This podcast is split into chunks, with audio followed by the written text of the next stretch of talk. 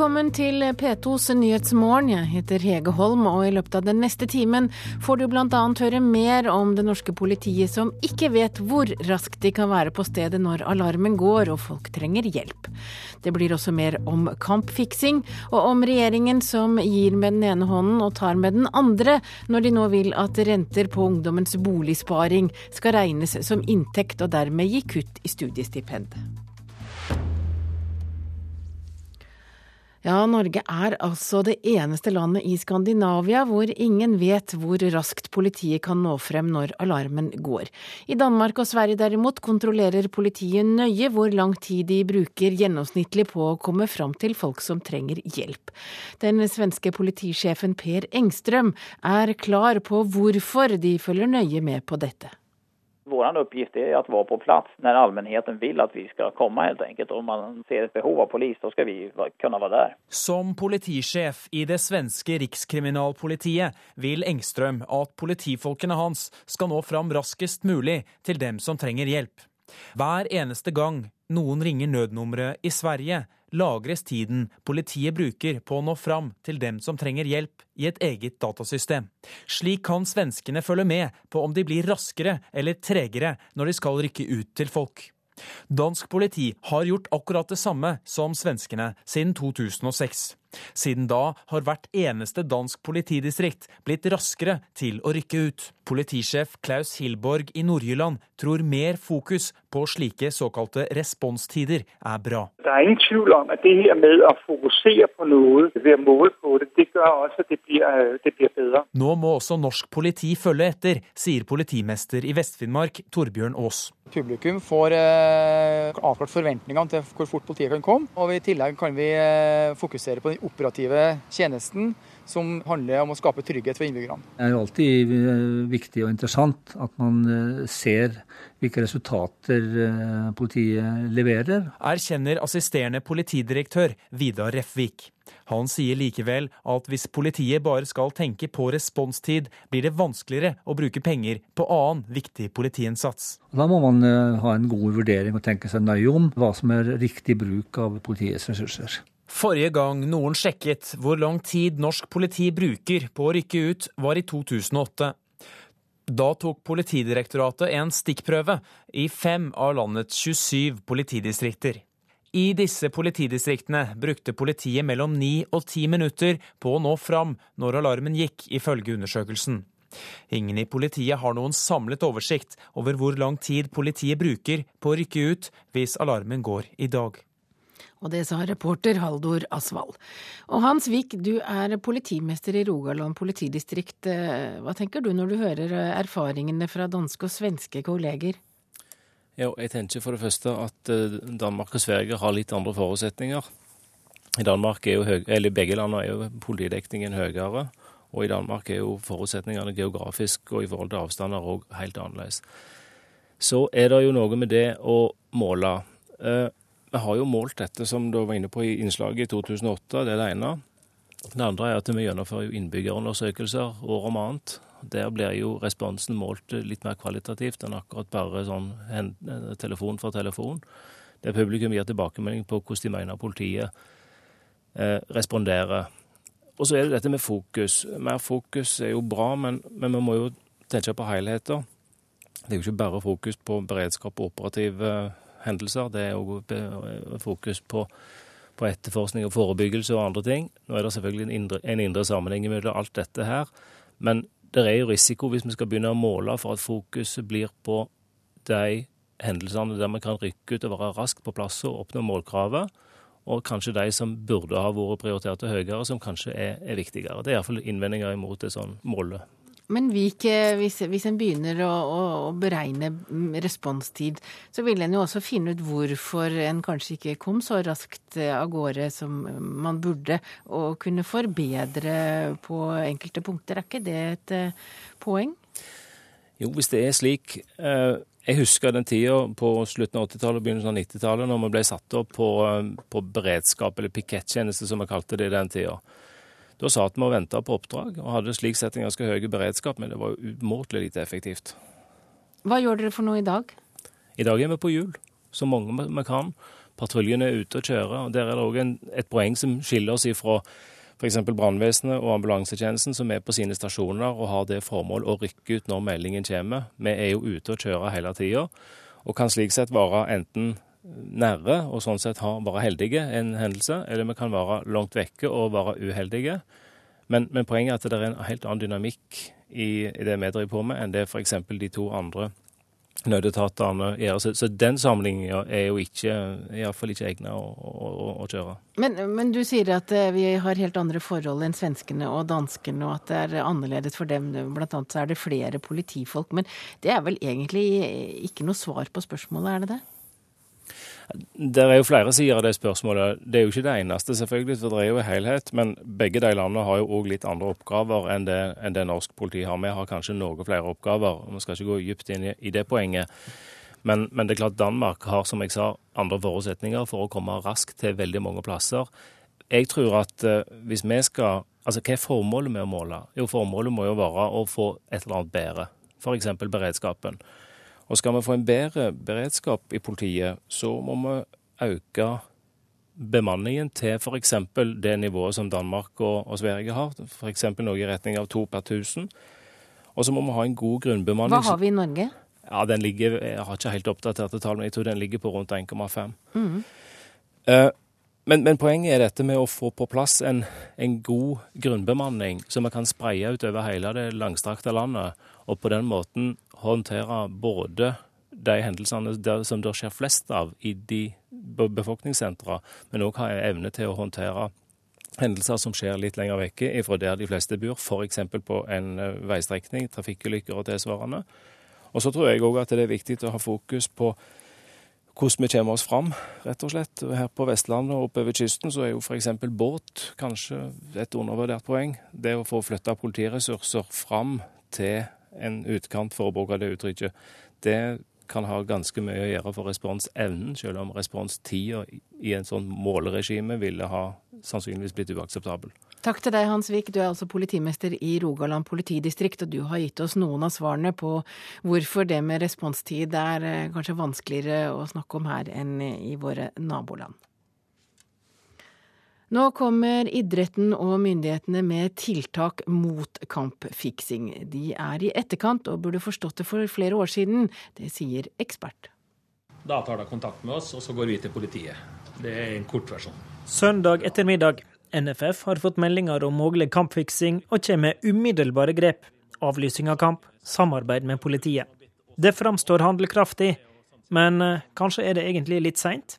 Ja, altså når det er vært kampfiksing i veldig mange andre land, eh, også i Danmark og i Finland, som er naboland, så må man tenke seg, eller burde kanskje ha skjønt, at dette kan være et problem i Norge også. Sier kampfiksingekspert Andreas Seljås, tidligere spesialrådgiver i Idrettsforbundet.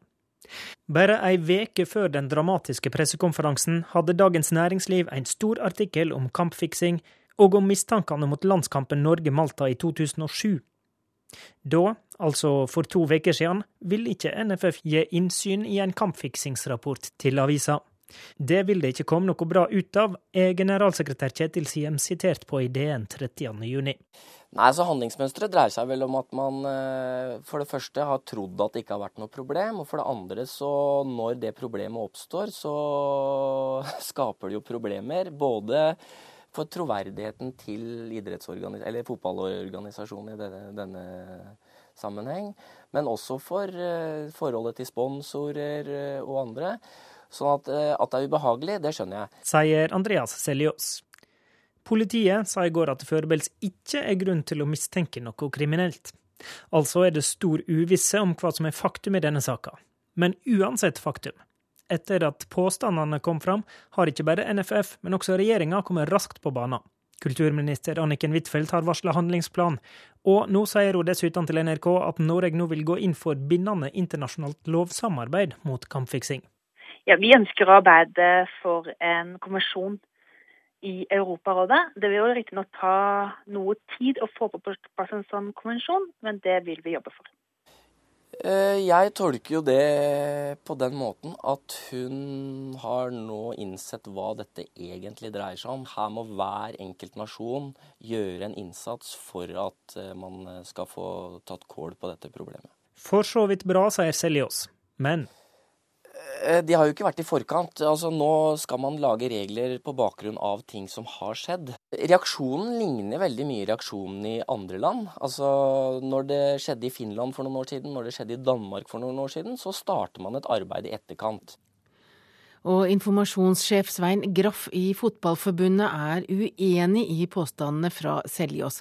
Han sier at NFF har vært opptatt av kampfiksing i flere år. Det har vært et velkjent problem i eh, idretten, og eh, særlig i fotballen, i mange mange år. Derfor har vi eh, for lenge siden etablert et eget regelverk som sier at spillere, trenere og ledere ikke kan spille på kamper de selv er involvert i. Vi har også et overvåkingssystem som analyserer oddstipperes innsats europeiske, hos europeiske bookmakere og Norsk Tipping hvor vi fortløpende går inn og analyserer kamper for å se om det er unormale spillmønstre. Og vi har også jobbet overordna politisk med Europarådet om å få et felles europeisk regelverk som går spesifikt på, på kampfiksing. Og nå brukte du ordet 'for lenge siden'. Altså, når, når, når kom dette regelverket konkret? Regelverket om å ikke spille på egne kamper har vært der i mange år. Eh, jeg husker ikke her og nå eksakt hvilket eh, årstall, men det har ligget som en del av konkurransereglene og er en egen paragraf i NFFs eh, lover og regler. Dere har samtidig vedgått denne uka at dere kanskje har vært litt naive. Hva er det dere legger i det sjøl, da? Vi legger i at utviklingen nok har gått uh, fortere i forhold til kampfiksing som problem enn det vi har klart å ta inn over oss. Uh, det er fordi at det er en ekstrem eksplosjon av uh, euro, europeiske, asiatiske bookmakere. Spilletilbudet utvides med livebetting, som gjør at sjansen og lysten for kriminelle til å utnytte dette er mye større nå enn den var for noen år siden. Men kunne dere kommet med eh, flere tiltak og en større offensiv når dette kom til våre naboland, sånn som Seljås sier? Vi har hatt mange tiltak på plass lenge, men uh, har ingen problemer med å innrømme at uh, flere tiltak burde vært igangsatt uh, tidligere. Ikke basert på denne saken isolert som vi nå er midt oppe i Norge, men fordi at vi ser omfanget i Europa ellers har økt, og at problemet har kommet nærmere og nærmere Norge. Ja, og Det sa altså informasjonssjef Svein Graff i Fotballforbundet til Håvard Grønli. Du hører på Nyhetsmorgen i P2, NRK P2 og Alltid nyheter. Klokka er 7.15, og dette er hovedsaker i nyhetene akkurat nå. Norge er det eneste landet i Skandinavia som ikke har krav til politiet om hvor raskt det skal være på plass når alarmen går. Både Fotballforbundet og regjeringen er bakpå når det gjelder kampfiksing, mener ekspert. Og en av tre utenlandske bilister betaler ikke bompenger i Norge. I USA går ti miljøorganisasjoner rettens vei for å få omgjort Shells tillatelser til å bore utenfor Alaska. Shells flåte seiler mot Arktis nå, men det omstridte oljeprosjektet har støtt på uventede utfordringer. I think it's not a matter of if, but when. I mean, there will be accidents at some point. Før eller senere blir det utslipp også i Arktis, sier miljøaktivisten Andrew Hartzig. Han forstår ikke hvorfor Obama-administrasjonen vil åpne et nytt kapittel i jakten på olje i et av verdens mest sårbare økosystemer. Organisasjonen hans Ocean Conservancy har forsøkt å stanse skjell i mange år. Nå vender de seg mot myndighetene. We went to court today not to stop Shell from drilling this summer, but to ensure that there is a rigorous and meaningful interpretation of the oil spill response plans. Regelverket for å rydde opp etter oljeutslipp må strammes inn og gi mening, sier Hartzig, som leder det arktiske programmet hos Ocean Conservancy. As strong as they can be. Han kommer rett fra retten her i Alaskas største by, Anchorage. Ti miljøbevegelser har gått sammen om et søksmål mot det de mener er mangelfulle krav for å håndtere oljesøl i sårbare og urørte Arktis. Shell has its leases and uh, they're going to pursue drilling, uh, exploration drilling. Uh, you know, no matter what we do. Uh, so it's not so much what Shell can do to make us happy, but what the government agencies who regulate Shell can do. Oljevernberedskapen og reguleringen må bli bedre, mener Hartzig. I søksmålet heter det at myndighetene fester sin lit til oljevernutstyr som ikke er prøvd i arktiske strøk. Et utslipp her vil ikke bare ødelegge dyreliv og økosystemet, men også eskimoene, inupiafolkets kultur og tradisjoner med jakt og fiske, sier Hartzig. Um, the people who depend on the wildlife uh, for their subsistence way of life. Etter planen skulle nederlandske Shell i gang med leteboring utenfor Alaskas nordspiss i midten av juli, nå som havet er åpent. Men uventet store isblokker bremser planene til første uke i august. I tillegg holder Kystvakta igjen den siste tillatelsen selskapet trenger. En lekter spesialbygd for å stanse eller begrense et oljeutslipp under ishavet er ennå ikke godkjent. Det er spørsmål om Arctic Challenger tilfredsstiller tøffe krav for ekstremvær, omtalt som 100-årsstorm. Fartøyet må være på plass før den omstridte boringen i Chukchi og Boforhavet kan starte. Shell har politisk og økonomisk støtte for oljeletingen i røffe og ukjente Arktis, hvor det er mørkt og islagt mesteparten av året. Fra før er det installasjoner på land, men havbunnen har ingen forsøkt seg på ennå. Søksmålet her i Alaska er siste av en rekke hinder Shell har støtt på de siste åra. Oljeselskapet har brukt 25 milliarder kroner på lisenser, lobbying og forberedelser til sitt arktiske prosjekt. Og det før de har fått opp en eneste dråpe olje fra den amerikanske delen av Arktis. Shell har et vindu til oktober på å lete etter det antatte skattkammeret i Arktis før havet fryser til. Anders Tvegård, Anchorage, Alaska. Og så skal vi til Egypt, for der tok maktkampen mellom den nyvalgte presidenten og det gamle regimet nye vendinger i går. Landets høyeste domstol erklærte president Mohammed Morsis ordre om å kalle sammen det oppløste parlamentet for ugyldig. Men før det rakk nasjonalforsamlingen, som domineres av presidentens parti, Det muslimske brorskap, å tre sammen til et kort møte og utfordret dermed grunnlovsdomstolen og militærrådet. Og Midtøsten korrespondent eh, Sigurd Falkenberg Mikkelsen. Hvor alvorlig er konflikten mellom det nye og det gamle regimet? Den går jo inn i eh, kjernen av eh, maktspørsmålet her. Og den viser jo at de er uenige om de mest grunnleggende ting. Altså hva er en rettsinstans, hvem har lov til å utstede bestemmelser. Sånn at en åpen konflikt mellom presidenten og Høyesterett er jo åpenbart uh, alvorlig.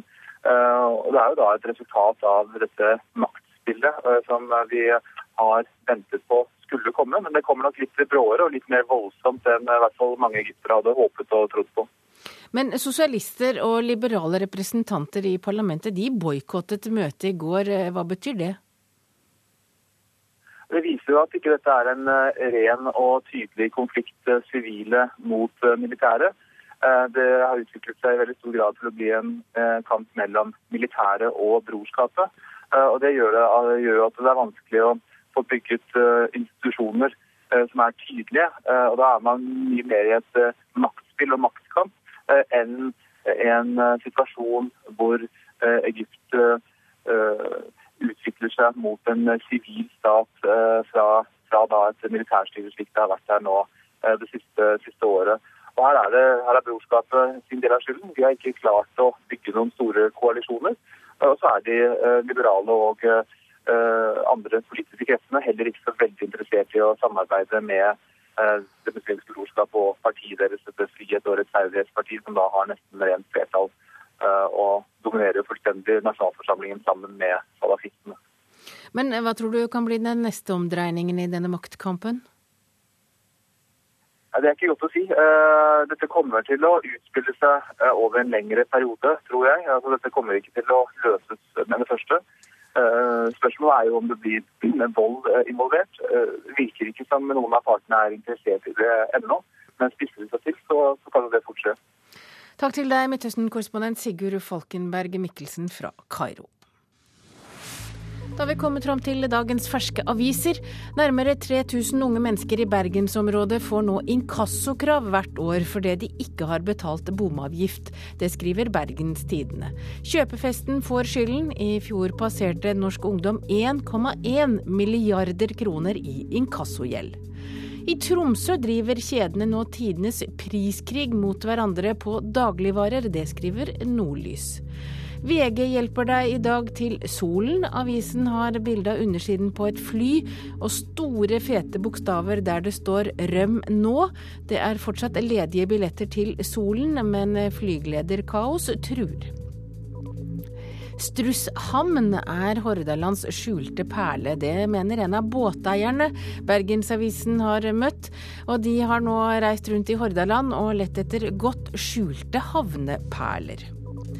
39 kvinner gikk til lege i Norge og ble misbrukt. Skrekklegene begår overgrep. De kan også fortsette som leger, men i andre land, skriver Dagbladet i dag. De eldste på Stortinget gir seg, skriver Vårt Land. Hvis Stortingets sammensetning skulle reflektert befolkningen, måtte minst 25 representanter vært over 65 år. Nå er det åtte, og fem av de åtte skal gi seg. Det er PR-byrået First House som er initiativtakerne til den nye sommerfestivalen Arendalsuken, som skal bli en norsk utgave av Politikeruken på Gotland i Sverige. Senterpartiets Per Olaf Lundteigen syns ikke at politikerne skal stille opp for First House. Storbønder trues av krav om trimming av kyrne. Mosjonskravene kan koste bøndene en kvart milliard i investeringer, skriver Nasjonen. Eldre drikker mer enn før. På ti år har norske kvinner og menn over 60 år fordoblet inntaket av alkohol. Det er særlig vinforbruket som øker, skriver Aftenposten. Dagsavisen har i dag bilde av en smilende Statoil-sjef på sin forside. Statoil-sjefen er fornøyd med regjeringen, som gikk inn med tvungen lønnsnemnd i oljesektoren. Det skriver altså Dagsavisen. Og innvandringen øker mest i Norge, skriver Dagens Næringsliv. Fra 2009 til 2012 opplevde Norge den største økningen i innvandring i Europa. En av tre utenlandske bilister betaler ikke bompenger i Norge. Det viser beregninger gjort av bomselskapene. Det betyr at selskapene taper millioner av kroner hvert år, og Statens vegvesen har satt i gang en kampanje som skal gjøre det enkelt for turister å forhåndsbetale på nett. Det sier saksbehandler for turistportalen i Vegdirektoratet, Toril Li. Og Derfor så har vi lagt oss til en løsning hvor de kan registrere bilen og, og opplysninger om kredittkortet. Og så blir det trukket rett fra kredittkortet, de bompengene de skal betale. Det er mange utenlandske turister innom Shell-stasjonen i Karmsundgata i Haugesund. Men det er ikke først og fremst bombrikker til bilen de er ute etter, sier butikkmedarbeider Marna Økland. Det er veldig få som tegner avtale hos oss. Det tror jeg omtrent aldri har skjedd hos når jeg har vært på jobb. i hvert fall. Og reporter her var Rosa Irene Villalobos. Selvskading, porno og tips til den som vil begå selvmord, dette er eh, noe av det norske barn kan oppleve på nettet. Og det oppleves mye mer av norske barn enn det gjør av andre barn i Europa. Men man vet ikke hvordan man skal varsle om dette til leverandørene. Det viser en rapport fra EU Kids som ble lagt fram i dag. På tide at bransjen nå tar ansvar, sier både Barneombudet og forskningslederen ved Universitetet i Oslo. Vet at det heter Pussycat, og så søker de etter Pussy, og så ja, kommer det veldig mange andre bilder. Det er også en sånn klassisk feil, og da er det greit å kunne ha noen å, eh, å varsle. Sier Elisabeth Staksrud, medieforsker ved Universitetet i Oslo. Rapporten Towards a Better Internet for Children som legges fram i dag, viser at norske barn ser mer upassende eller skadelig innhold på nett enn noen andre europeiske barn. Den viser også at de svært sjelden varsler om det. Det vi ser, eh, hvis vi sammenligner med resten av Europa, er at norske barn er blant de som opplever absolutt mest risiko på nettet, men de er også absolutt de som er flinkest til å håndtere risiko. De er flinke til å vite hva de skal gjøre, eh, de snakker med foreldrene sine, de snakker med lærerne. Eh, det som norske barn trenger, er rett og slett mer fokus, informasjon, hjelp til å hjelpe seg selv. Per Morten Hoff er generalsekretær i IKT Norge. Han sier bransjen må ta selvkritikk, men at også skolen og barnehagene må ta inn over seg at dataalderen er her. Nei, Dette skal jo ikke være vanskelig. Eh, og det tror jeg mange aktører må ta selvkritikk. Både eh, vi i IKT-næringen. Eh, men det jeg jo egentlig føler er veldig maktpåliggende når vi scorer så dårlig på dette, så tror jeg at kanskje det aller, aller viktigste er jo at barnehave og skole faktisk må begynne å ta på alvor at IKT er et fag, og man må også skal lære seg hvordan man skal oppføre seg, og hvordan man ikke skal oppføre seg på nett. Og hvis man finner noe, hvordan man skal reagere. Hva har du funnet nå?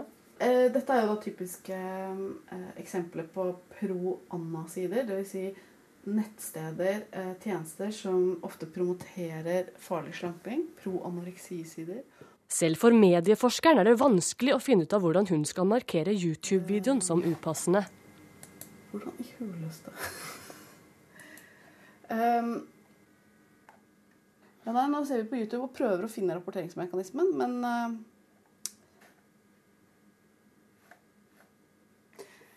Kanskje. Ja. Det er et bitte lite flagg. Og når hun først finner fram, er språket neste hindring. Eh, man snakker om brudd på retningslinjene for fellesskapet, retningslinjer for nettsamfunn, misbruk av funksjonen. Dette er ikke språk som passer for en 9-10-åring. Dette synes Thomas Rigglesworth i Barneombudet er for dårlig. Det er, det er, faktisk et ganske stort problem at så, eh, så, mange, og så mange barn under denne aldersgruppen også, ikke får en reell mulighet til å si fra og melde fra om, om, om brudd som skjer på disse tjenestene her. Og reporter i dette innslaget var Ina Strøm, og dette er en sak du får høre mer om i Kulturnytt etter klokka er åtte. Nå er klokka øyeblikkelig 7.30 her i P2s Nyhetsmorgen, og da er det tid for nyheter. Da er det Silje Sande som sitter i studio, og vi skal bl.a. høre mer om politiet og responstid. Etter Dagsnytt skal vi få høre at det er nytt håp for Østersjøen. Til tross for overgjødsel, oljeutslipp og miljøgifter tar torskefisket seg opp.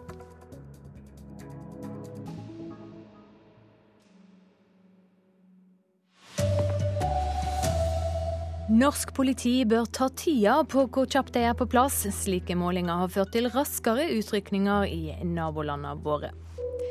Dette må være en feil, sier Arbeiderpartipolitiker som ikke forstår hvorfor regjeringa strammer inn BSU-ordninga. Og alarmen om kampfiksing i fotballen burde ha gått for flere år siden, sier ekspert. Her er NRK Dagsnytt klokka 7.30. Ingen vet hvor lang tid politiet her i landet bruker på å nå fram når de blir kalla ut. Både i Danmark og Sverige har politiet lenge målt hvor lang tid de trenger på å nå de som trenger hjelp. Det har ført til raskere utrykningstid. Politiet skal være kjapt på plass, og registreringa er med på å sikre dette. Det sier Per Engstrøm i Rikskriminalpolitiet. Vår uppgift är att vara på plats när allmänheten vill att vi ska komma helt enkelt. Om man ser ett behov av polis, så ska vi kunna vara där. Som politisjef i det svenske rikskriminalpolitiet vil Engstrøm at politifolkene hans skal nå fram raskest mulig til dem som trenger hjelp. Hver eneste gang noen ringer nødnummeret i Sverige, lagres tiden politiet bruker på å nå fram til dem som trenger hjelp i et eget datasystem. Slik kan svenskene følge med på om de blir raskere eller tregere når de skal rykke ut til folk. Dansk politi har gjort akkurat det samme som svenskene siden 2006. Siden da har hvert eneste dansk politidistrikt blitt raskere til å rykke ut. Politisjef Klaus Hilborg i Nord-Jylland tror mer fokus på slike såkalte responstider er bra. Det er ingen tvil om at det her med å fokusere på noe ved å måle på det, det gjør også at det blir, det blir bedre. Nå må også norsk politi følge etter, sier politimester i Vest-Finnmark Torbjørn Aas. Publikum får eh, avklart forventningene til hvor fort politiet kan komme. Og i tillegg kan vi eh, fokusere på den operative tjenesten som handler om å skape trygghet for innbyggerne. Det er jo alltid eh, viktig og interessant at man eh, ser hvilke resultater eh, politiet leverer. Erkjenner assisterende politidirektør Vidar Refvik. Han sier likevel at hvis politiet bare skal tenke på responstid, blir det vanskeligere å bruke penger på annen viktig politiinnsats. Da må man ha en god vurdering og tenke seg nøye om hva som er riktig bruk av politiets ressurser. Reporter Haldor Asvald. Regjeringa møter motstand fra egne rettskjær etter at det ble kjent at reglene for BSU-sparing blir stramma inn. Studenter kan fra høsten av få mindre i stipend fordi rentene fra bostadssparing for ungdom skal regnes som inntekt. Fredrik Mellem, leder i Oslo Arbeidersamfunn, tror nesten ikke det han hører. Her må det jo være noe feil. Vi skal ikke straffe gode skattebetalere. Men det er det ikke. Fra høsten av blir renter fra BSU Bostedsparing for ungdom regna som inntekt. Studenter får derfor mindre mulighet til å tjene penger, fordi det er tak på hvor mye en student kan tjene før stipendet blir gjort om til lån. Melle mener Lånekassen bare skal ta omsyn til studieprogresjon, ikke inntekt. Statens lånekasse for utdanning bør konsentrere seg om å sørge for at studentene følger eh, studieprogresjonen, og behøver ikke å ha en bråte ansatte som følger med på studentenes inntekt. Det er bare bra eh, at noen studenter klarer å ha eh, arbeid og inntekt ved siden av studiene. Også Senterungdommen reagerer. Jeg skjønner ikke hva regjeringa legger opp til. Leder Sandra Borch mener en ikke kan straffe studenter som sparer. Særlig når man er oppfordra i så stor grad til at det er lurt å spare i BSU. Jeg mener at dagens studenter sliter nok med de dårlige stipendordningene som er. Og at man da skal bli straffa økonomisk for å jobbe ekstra for å få råd til egen bolig, syns jeg er et dårlig forslag fra regjeringa. Ifølge regjeringa handler dette om fordelingspolitikk. At de som trenger det mest, skal ha størst stipend. Mellem er usamd. Det er ingen som har fått mer stipend som følge av denne endringen, så eh, det henger ikke helt på greit. Og det blir debatt om dette i Nyhetsmorgen i P2 like etter Dagsnytt. Reporter Tone Gullaksen. Nå kommer idretten og styresmaktene med tiltak mot kampfiksing. Etter påstandene om manipulering av fotballkamper denne veka har både Fotballforbundet og regjeringa nå varsla tiltak. Det er typisk at tiltakene kommer i etterkant, sier Andreas Seljås, tidligere spesialrådgiver i Idrettsforbundet. Han mener alarmen burde ha gått for flere år siden. Da tar de kontakt med oss, og så går vi til politiet. Det er en kort versjon. Søndag ettermiddag. NFF har fått meldinger om mulig kampfiksing og kommer med umiddelbare grep. Avlysing av kamp, samarbeid med politiet. Det framstår handlekraftig, men eh, kanskje er det egentlig litt seint?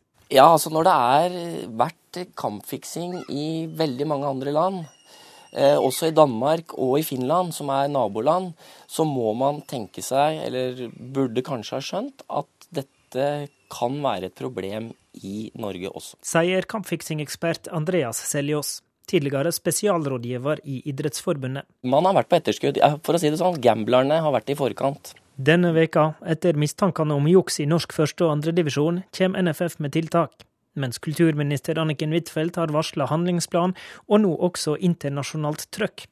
Ja, vi ønsker å arbeide for en konvensjon i Europarådet. Det vil jo riktignok ta noe tid å få på plass en sånn konvensjon, men det vil vi jobbe for. For så vidt bra, sier Seljås. Men typisk. Eh, de har jo ikke vært i forkant. Altså, reaksjonen ligner veldig mye reaksjonen i andre land. Når det skjedde i Finland for noen år siden, når det skjedde i Danmark for noen år siden, så starter man et arbeid i etterkant. Informasjonssjef Svein Graff i Fotballforbundet mener de har hatt et godt arbeid mot kampfiksing men innrømmer. Det er sjelden uvanlig at uh, man ønsker å være tettere på et problem og etablere flere tiltak når, noe, når, et problem uh, dukker opp. Og vi har vært ærlige på at vi gjerne skulle ha etablert flere av de tiltakene tidligere. Reporter Håvard Grønli. Vi er naive når vi legger til rette for tigging i Norge, det sier Oslo-ordfører Fabian Stang. Han vil heller hjelpe rumenerne som tigger på norske gater i heimlandet, og ber nå stortingsflertallet om å handle. Et forbud mot tigging er den beste løsninga for alle, mener Stang. Jeg tror det er veldig viktig at, eh, at stortingsflertallet forstår eh, alvoret i denne situasjonen. Sørger for at vi hjelper disse menneskene der de bor, og sørger for at det blir et, eh, en form for forbud mot den aktiviteten som nå foregår. fordi verste vi kan gjøre overfor disse, er å lure dem til å komme hit og fornedre seg gjennom tigging. Stang er ikke overraska over at situasjoner som den utenfor Sofienberg kirke oppstår. Han mener vi er naive. Å legge til rette for tigging hjelper ikke disse menneskene, sier han. Det vi nå gjør i naiv velmenthet, det er en, en hån mot disse menneskene. For nå lurer vi dem til å komme hit og fortsette et liv med tigging, istedenfor å hjelpe dem til å få et anstendig liv der de bor. Også til Bergen kommer det mange rumenere, men der er situasjonen likevel annerledes. Tiggere må registrere seg, i tillegg har politiet en egen gruppe som tar seg av menneskehandelproblematikken. Tiltak som hjelper, sier fungerende politistasjonssjef Jørn Solsvik. Ja, at vi har en, en, en, en, spesiell gruppe som tar seg av akkurat dette med menneskehandel f.eks. Så det tror jeg har en avskrekkende virkning. Reporter Kjersti Havdal. I USA går ti miljøvernorganisasjoner rettens vei for å få omgjort Shell sitt løyve til å bore etter olje utenfor Alaska. Shell skulle ha starta med leteboringa nå, men det omstridte oljeprosjektet har støtt på uventa utfordringer. I think it's not a matter of if, but when. I mean, there will be accidents at some point. Før eller senere blir det utslipp også i Arktis, sier miljøaktivisten Andrew Hartzig. Han forstår ikke hvorfor Obama-administrasjonen vil åpne et nytt kapittel i jakten på olje i et av verdens mest sårbare økosystemer.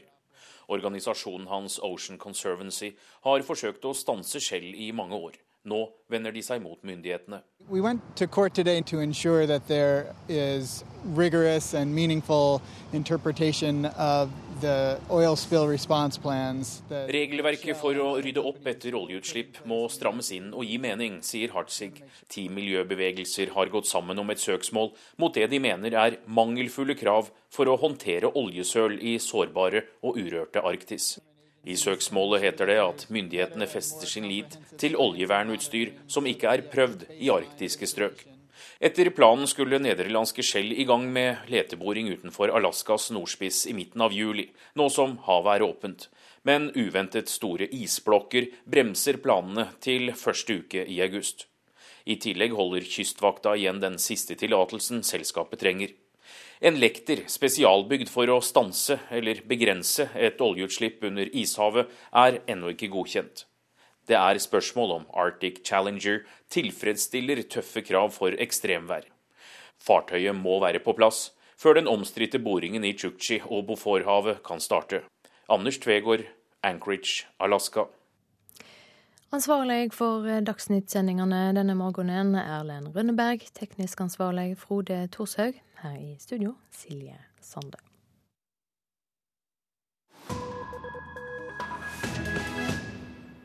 Du hører på P2s Nyhetsmorgen, og nå skal vi til Gotland, denne vakre og langstrakte svenske øya midt i Østersjøen. I mange år har eksperter og menigmann på Gotland vært bekymret for tilstanden i Østersjøen pga. sterk forurensing, Men nå er det en viss lysning i sikte, i hvert fall når det gjelder torskebestanden, forteller Kjell Pilstrøm fra Gotland. Det blåser en frisk sommervind, og bølgene går hvite langs strendene her på østkysten av Gotland. Det er vakkert, men dette har lenge vært sett på som et utdøende hav pga. overgjødsel, forurensning fra skipstrafikken og miljøgifter. Men nå ser det bedre ut enn på lenge, ikke minst for torskebestanden i Østersjøen. Ja, fra at det har vært veldig ille under 90-tallet og begynnelsen av 2000-tallet, så ser det vel betydelig bedre ut nå. Det sier forskningssjef Anders Nisling på AR havforskningsstasjon helt nord på Gotland. Vi har fått eh, et antall eh, riktig hyfsede årsklasser, så at bestandet har økt. Og eh, samtidig så har man endelig, får jeg si, kommet overens om en vettig forvaltningsplan innom EU her, der man har lyktes redusere fangsten av torsk til en rimelig nivå. Gladmeldingen om torsken i Østersjøen kommer på tross av at dette havet er utsatt for et enormt press. Det sier økologen professor Kjell Larsson ved Høgskolen på Gotland, som jeg treffer i den travle havna i Visby. Vi har problem med overgjødning. Vi har for mye utslipp av kveve og fosfor til Østersjøen. Vi har store arealer av døde bunner, som er et problem, givetvis. Vi har problem med sjøfart, slipper ut mye til luften. Vi har fortsatt mye oljeutslipp, illegale oljeutslipp. Det er fortsatt et problem. Og vi har miljøgifter, nye miljøgifter som kommer inn. Hvor hardt belastet er Østersjøen når det gjelder skipsfart? Østersjøen er jo en av verdens mest trafikkerte hav. Her i sentrale Østersjøen så er det omtrent 50 000 fartyg som passerer hver år. Og det motsvarer omtrent ett fartyg hver tionde minutt. Som passerer Gotland? Som passerer Gotland på båda sider. som da skal til de store stedene og store havnene i Østersjøen, som Stockholm, Helsingfors, St. Petersburg, Tallinn, Riga osv. Gotland ligger helt sentralt i Østersjøen, i et hav omkranset av åtte land med 90 millioner innbyggere langs kystene. Og nå vil landshøvdingen eller fylkesmannen på Gotland, Cecilia Schelin Seidegård, ha mer av den viktige havforskningen på Østersjøen til Gotland. At vi kan forlegge en del av forskningen her, ettersom vi tross alt ligger midt i Østersjøen. Sen er jo så si, Østersjøen viktig for oss av andre skjell.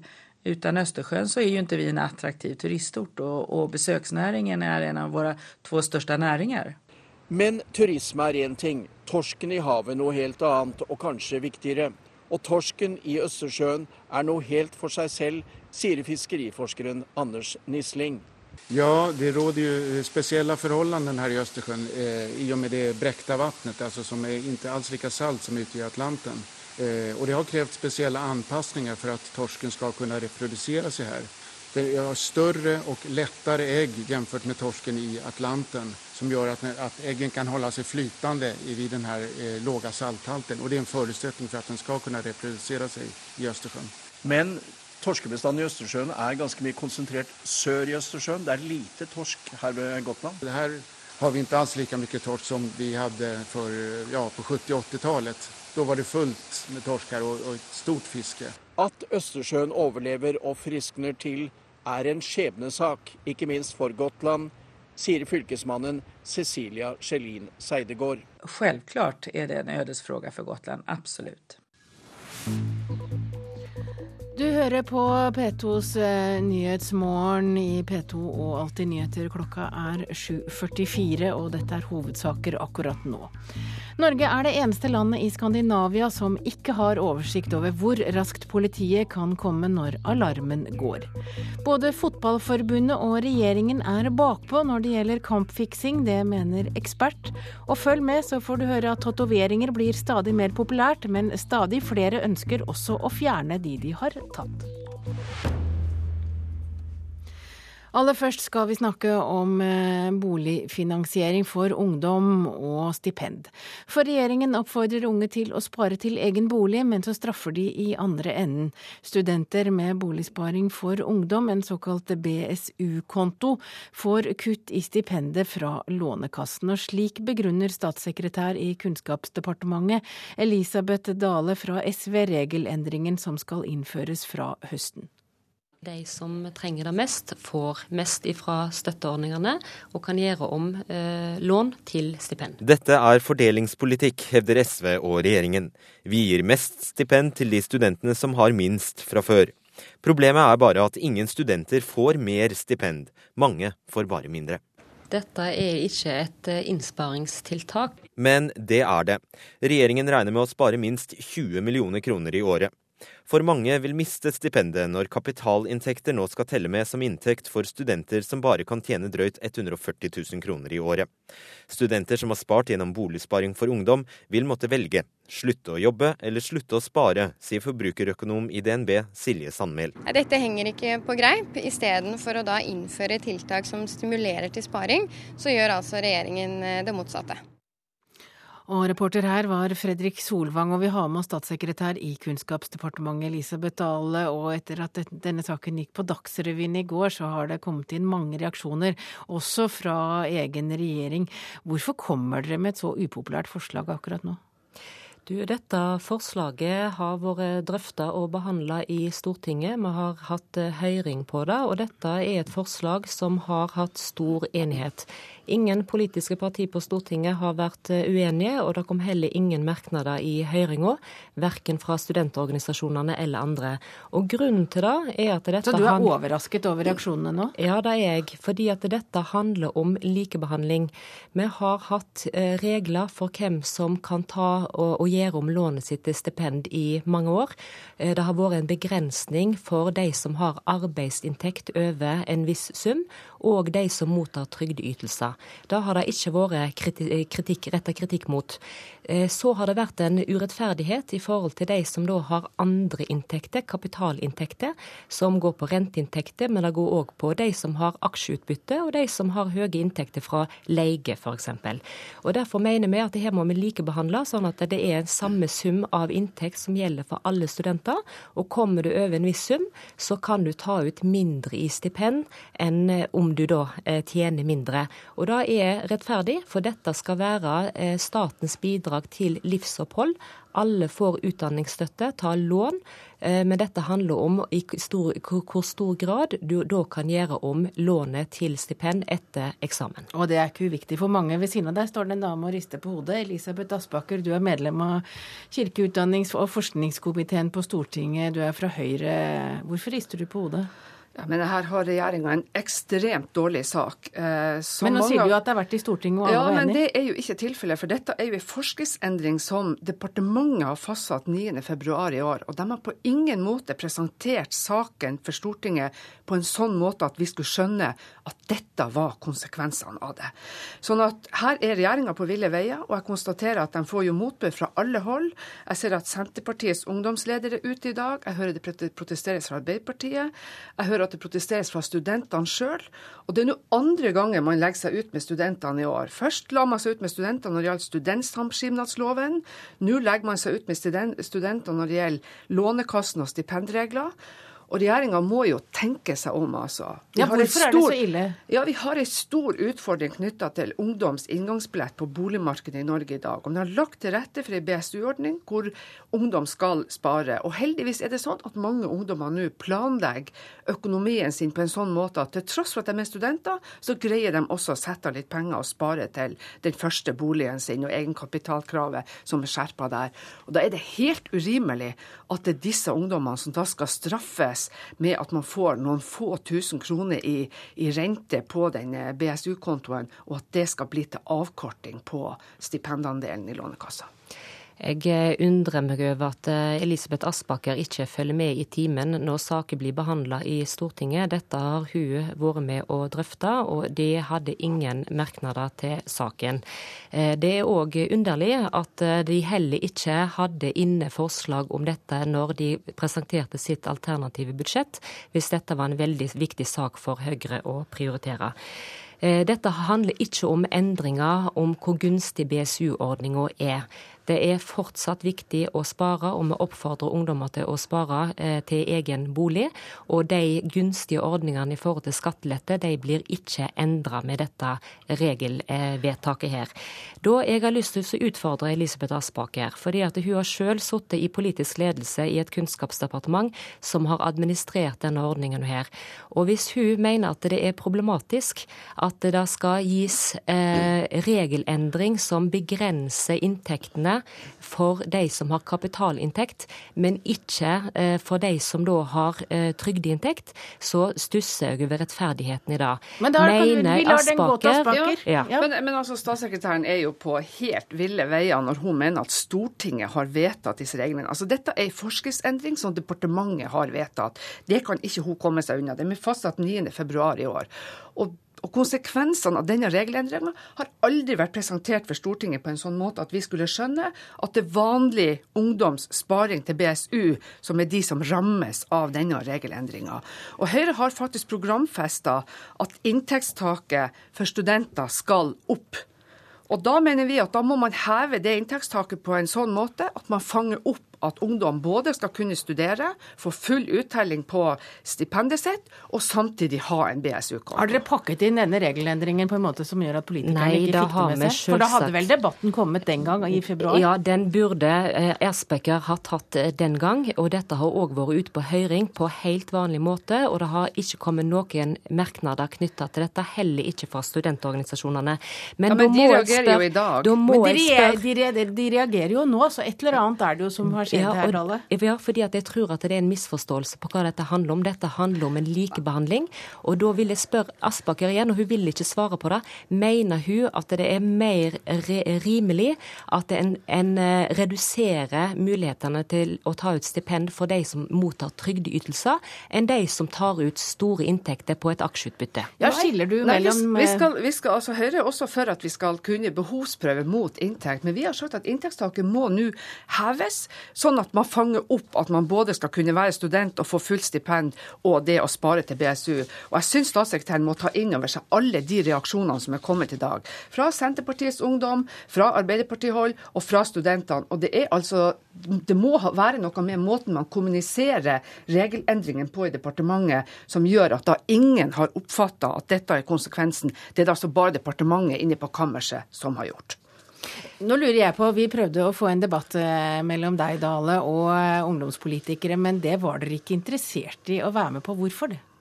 Vi ønsker å diskutere med de som vil diskutere med oss, men vi syns det i denne eh, saken at det er rimelig å diskutere med de som er ansvarlig for eh, vedtak, og òg sitter med et budsjettansvar. Og her har vi eh, fastsatt både budsjett og en forskriftsendring som er da behørig behandla i både storting, og det har òg vært på høring. Aspaker kan ikke løpe fra det.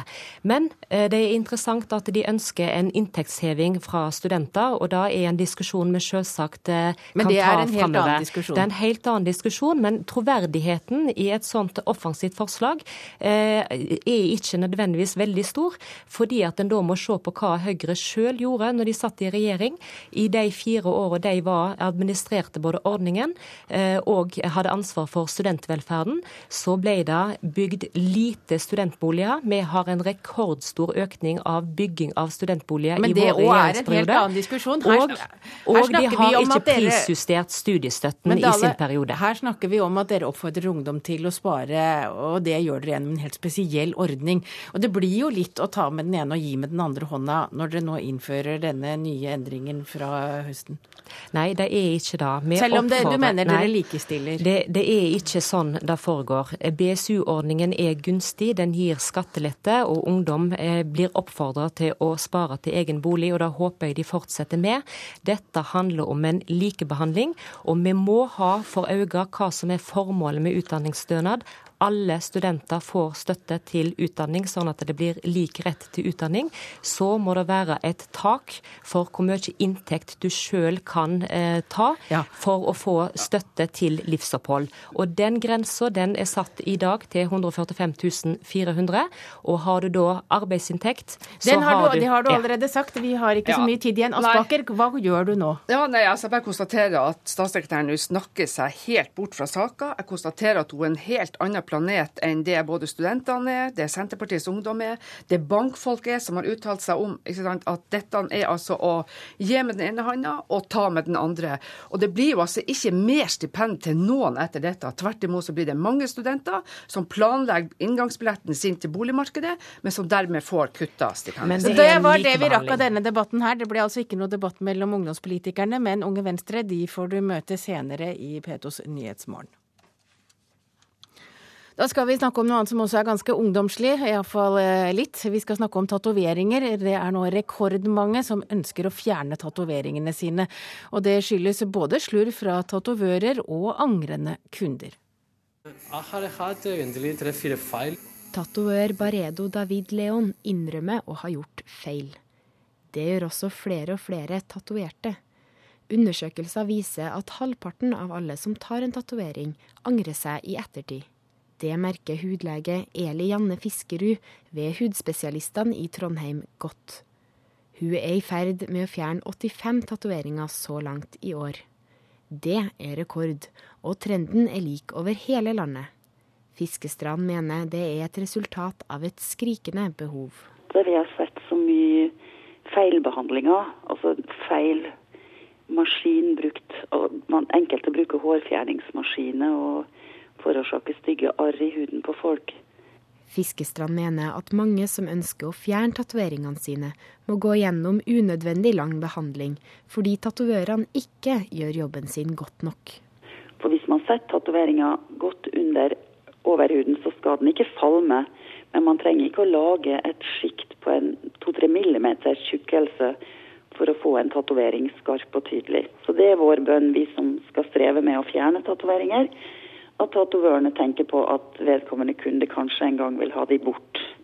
I tatoveringsstudioet til Baredo David Leon hevder tatovørene at de tar hudlegens bønn til etterretning, og er nøye med hvor langt de stikker nåla inn under huden på kundene sine. Og går det skeis, kan Leon og kollegaene alltids rette opp igjen. Nei, uh, den siste gang var, uh, var en tekst som ordna til ei jente her.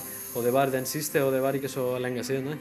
Og henne, ja, henne ringte to dager etter. 'Oi, faen, men det var en litt skrivefeil der.' Og så, den, den, nei, men du sa tegning først, du så etterpå. Vi skal, vi skal reparere det og sånn. Og det var en, en bra ting for å reparere og sånn. Men Oh, reporter eh, hos tatovøren var Marit Gjelland. Da har vi kommet fram til et værvarsel som gjelder til midnatt. Fjellet i Sør-Norge skyet regnbyger vesentlig i Langfjella.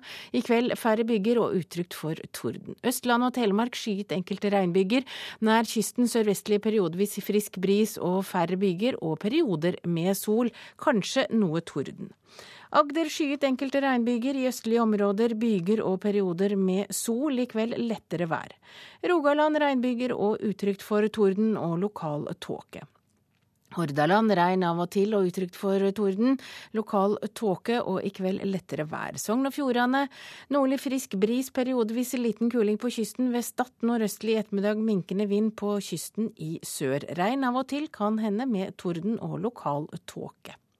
Trøndelag skyet eller delvis skyet, stort sett oppholdsvær og fare for lokal tåke. Fra i ettermiddag nordøstlig frisk bris på kysten, i kveld liten kuling. Enkelte regnbyger i sør.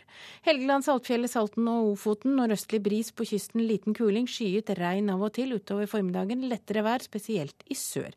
Lofoten og Vesterålen nordøstlig bris på kysten, perioder med liten kuling. Delvis skyet og perioder med pent vær, men mulig med tåke på kysten. Troms for det meste pent vær, men først på dagen mulighet for tåkeskyer på kysten.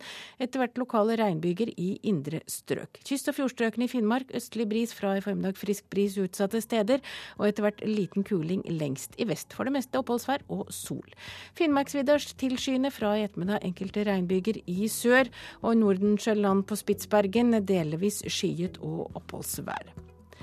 Pettos Nyhetsmorgens del én er over. Ansvarlig for sendingene denne morgen Erlend Rønneberg, produsent Elin Pettersen, teknisk ansvarlig Frode Thorshaug. Jeg heter Hege Holm, og vi høres igjen noen minutter over halv ni.